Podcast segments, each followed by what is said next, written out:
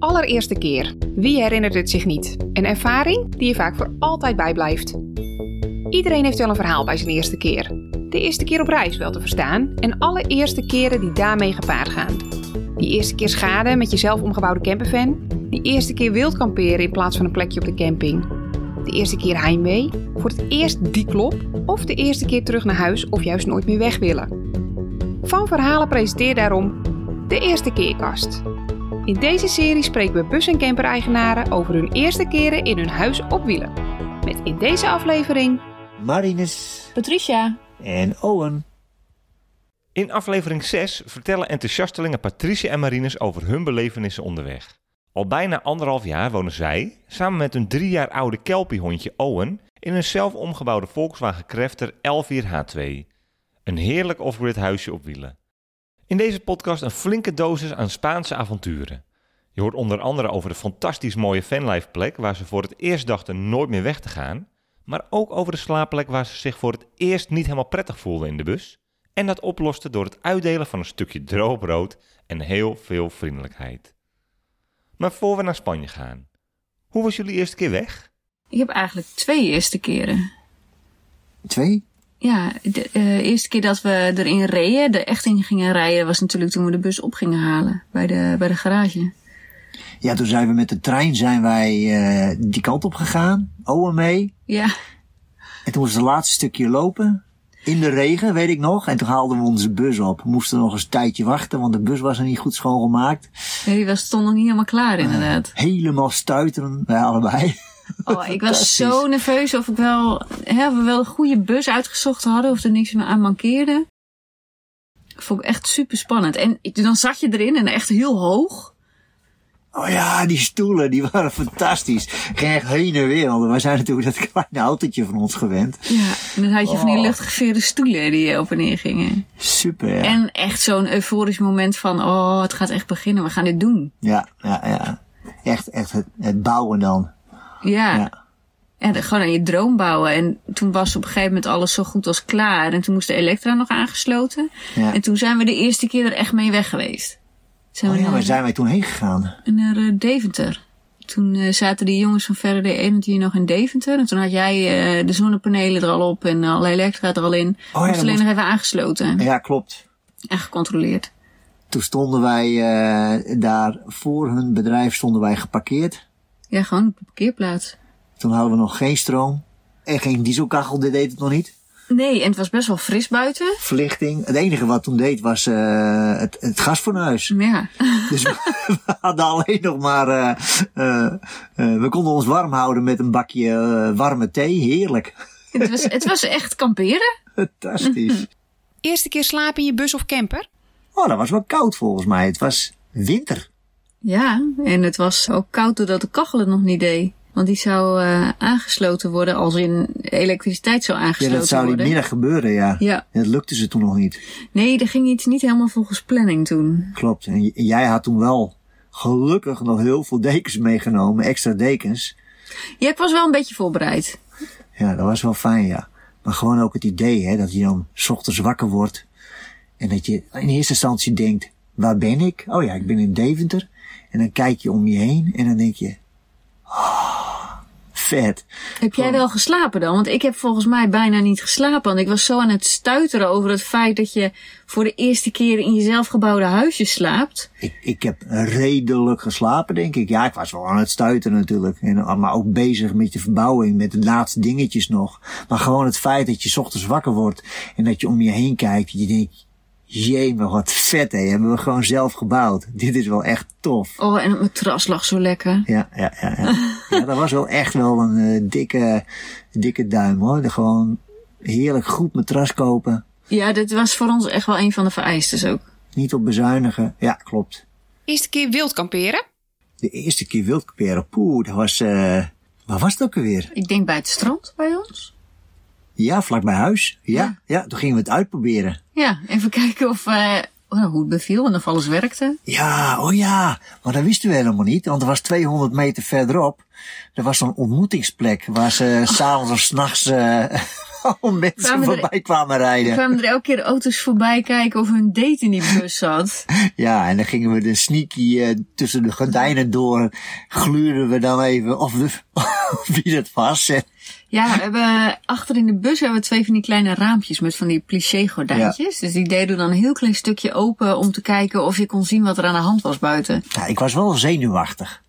Ja, toch het gevoel dat je iets doet wat niet mag. Wat natuurlijk ook gewoon zo is. Ja, nee, het is niet dat we echt van de regeltjes altijd zijn, maar het is, eh, het is iets inderdaad wat niet mag. En dan, dan is het toch zo van, eh, ja, weet niet, adrenaline of zo, weet niet. Nou, gewoon spannend. Kick, Ja, gaaf, vet, maar wel heel tof. Gewoon gedaan en eh we echt zoiets hadden van, eh, wow, leuk. maar wederom niet echt goed geslapen. Nee, helemaal niet. Eerste keer nooit meer weg willen? de eerste keer nooit meer weg willen, was voor mij in ieder geval het moment dat wij door de Pyreneeën reden. Sneeuw aan de zijkanten van de weg. En op het moment dat wij Spanje inkwamen, direct richting kust reden. En vervolgens had jij een fantastisch plekje gevonden. Via Camper for Night. Park vanuit, of ja. Park for Night, ja. En daar konden wij toen niet komen. Nee, want eh, die weg, daar zaten zoveel hobbels en kuilen in. En het Ja. had toen heel hard geregend, dus we konden helemaal niet zien hoe diep alles was. Ik ben nog wel uitgestapt, maar toen stond ik bijna tot aan mijn knieën in het water. Dus toen hebben we gezegd, dit doen we niet. Nee, ja, ik vertrouwde dat totaal niet. Ik bedoel, onze bus is 7 meter 20, 730 zelfs. Dus ja, zo'n dikke kont. Nee, dat, eh toen zijn wij teruggereden. Zijn we uiteindelijk zijn wij op een parkeerplaats gaan staan. Dan zijn Ja. wij lopend naar dat plekje gegaan. Ja, en toen zeiden we wel, oh, dit is echt wel Ja, een ja. tof plekje. Maar hoe komen die mensen hier? Want er stond één andere camper of zo. Oké. Ja, was een Duitser. Klopt. En eh, toen zijn we teruggelopen en bleef het toch een beetje in mijn hoofd zitten. Ja. En toen ben ik gaan eh, kijken op de kaarten, op, op de app van, hmm, is er ook een andere manier waarop we er kunnen komen? En toen zijn we die gewoon gaan proberen. Zo van, nou, als het niet lukt, lukt het niet. Maar eh, we proberen het gewoon. En toen konden we zo doorrijden. Ja, toen zijn we daar gekomen inderdaad op dat plekje. Dicht aan, aan, aan de zee. Eh, ik denk nog geen 100 meter. Nee, niet. En, eh, maar gewoon de vrijheid, eh, de ruimte, het klimaat, het, het, het vanlife gebeuren, het, het leven. Het ruisen van de zee op de achtergrond als je s'avonds in slaap viel. Ja, dat was voor mij echt wel een moment dat ik echt genoot. Het eerste moment zeker dat ik echt genoot van het plekje. Ja, dus toch zitten we wel eh, richting Spanje gaan. Dan wil ik daar zeker toch nog wel een keer heen. Ja, Ja, denk ik wel. En voor jou? Nou, niet eh, die plek. Die plek vond ik ook wel heel tof. Maar echt de plek dat ik dacht, dit is echt heel fantastisch. Dat was eh, bij Nerga, bij eh, Maro. Ja, dat is wel waar. Dat, Dat was boven op zo'n klif. En dan eh, kon je met een paadje naar beneden. Was best wel terug, best wel een klim. En dan kwam je uit op een kiezelstrand. En dan gingen we 's ochtends even met de hond naar het strand. Want er was er nog iemand, niemand. En dan kon je lekker even de zee in duiken. En dan kon je daarna afspoelen onder een natuurlijke bron die er zat. dat was een naaktstrand. Ja, kon je gewoon je blote kont, kon ik 's ochtends om zeven uur, eh, terwijl ik het hond uitliet, eh, kon gewoon even opfrissen. Ja, dat was wel fantastisch inderdaad. En die, die bron die kwam niet alleen uit op dat strand, maar ook op, want het waren allemaal een soort van baaien. En eh, die kwam een baai daarnaast kwam die uit eh, op een plek, daar hadden mensen allemaal eh, met kiezels en keien hadden ze een zwembad gemaakt. En dat werd dus continu dat water ververst. En dan zat je in het zoete water, in een zwembad, naast de zee. Geweldig. Ja, was, en, en leuke mensen, ook de, de sfeer was heel relaxed. ja, ja, ja. zulke mooie natuur.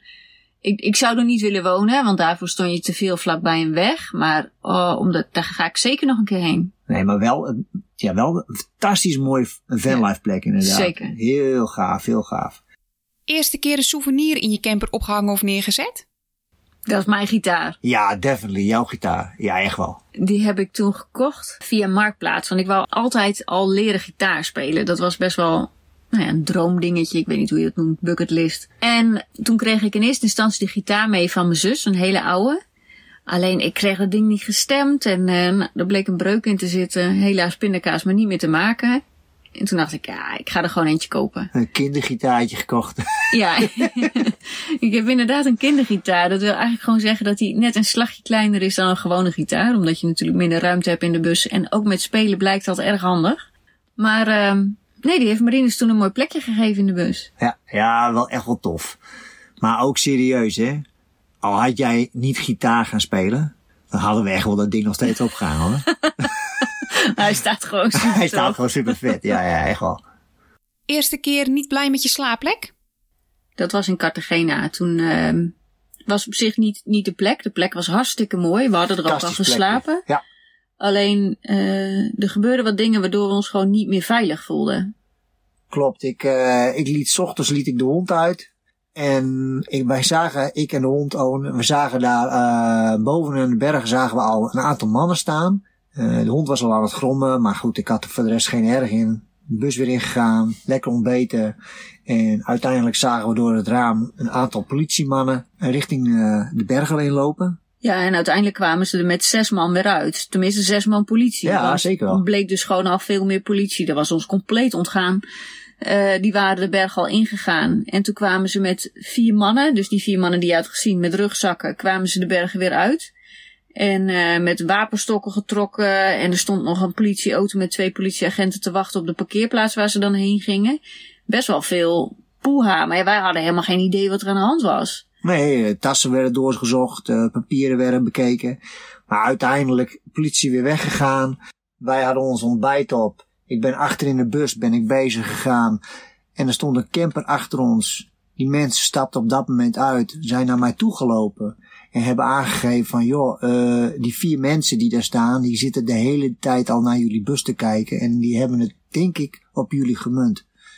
Waarop Ja, wij... we vertrouwden het echt helemaal niet. Nee, nee, nee, nee. Waarop wij zoiets hadden van, oh, oké. Nou ja, goed.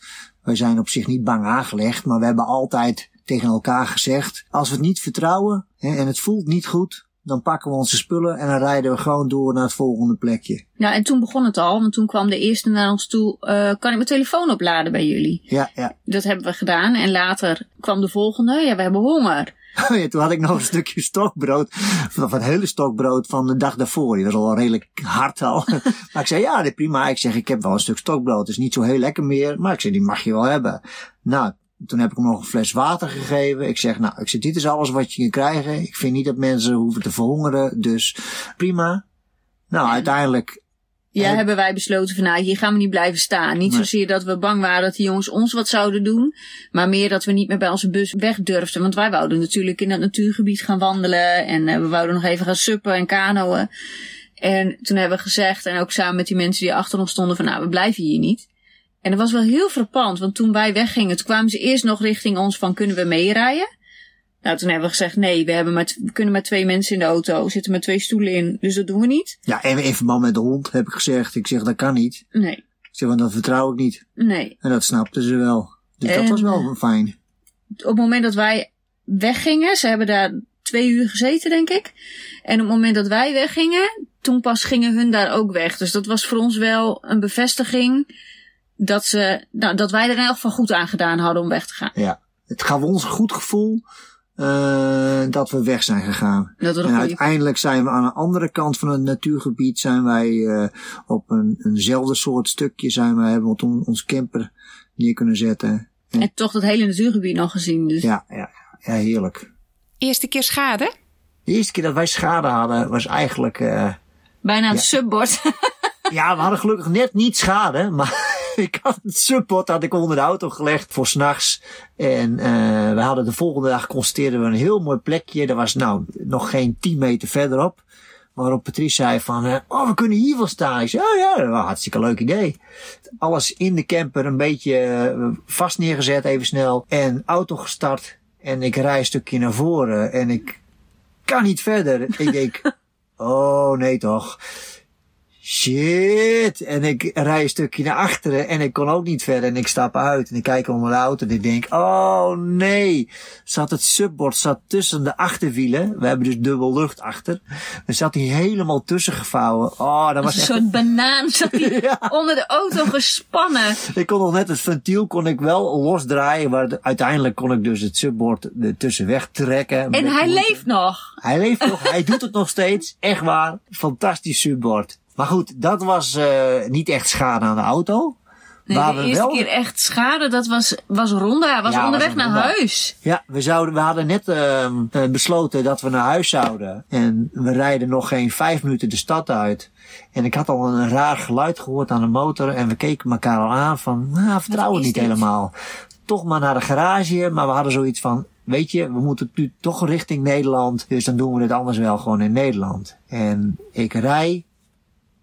En ik ben op een gegeven moment, eh, ik, ik- een bepaalde snelheid reed ik en ik zou gas geven. En ik voelde dat mijn auto niet sneller ging rijden. En ik denk, oh jee. Dus ik terugschakelen En- en ik merkte nog steeds dat met het gas geven dat ik niet vooruit ging. En toen kwam er een tankstation en ik denk, ja dag, ik kies eieren voor mijn geld. Huppa, dus ik het stuur om. Bij het tankstation aan de zijkant auto geparkeerd. Nou ja, ANWB gebeld. Hè? En eh via verzekering van alles geregeld. Uiteindelijk konden we niet eens eh, de auto weg laten slepen op eh, kosten van een verzekering. Dus we hebben alles zelf moeten regelen. Nou ja, als je dan de taal niet spreekt, dan wordt het wel aardig moeilijk. Ja, ik heb op een gegeven moment gewoon de stoute schoenen aangetrokken. En ik ben in die, die, die shop, zeg maar, van die benzinepomp, ben ik naar binnen gelopen. En gewoon gevraagd, spreekt er iemand Engels? Want dat is niet heel veel in Spanje. En er was gelukkig één jongen die een beetje Engels sprak. En die heeft me in contact gebracht met iemand die daar was. En met handen en voeten gevraagd om eh, een sleepdienst. En die heeft ons teruggesleept naar Ronda. Dat was gelukkig maar een klein stukje. Maar dat was echt wel een heel avontuur. Want uiteindelijk hadden ze een te kleine sleepwagen gestuurd die onze bus net kon tillen. Dus dat was echt hard in onze keel gezien hoe die bus daar opgetakeld werd.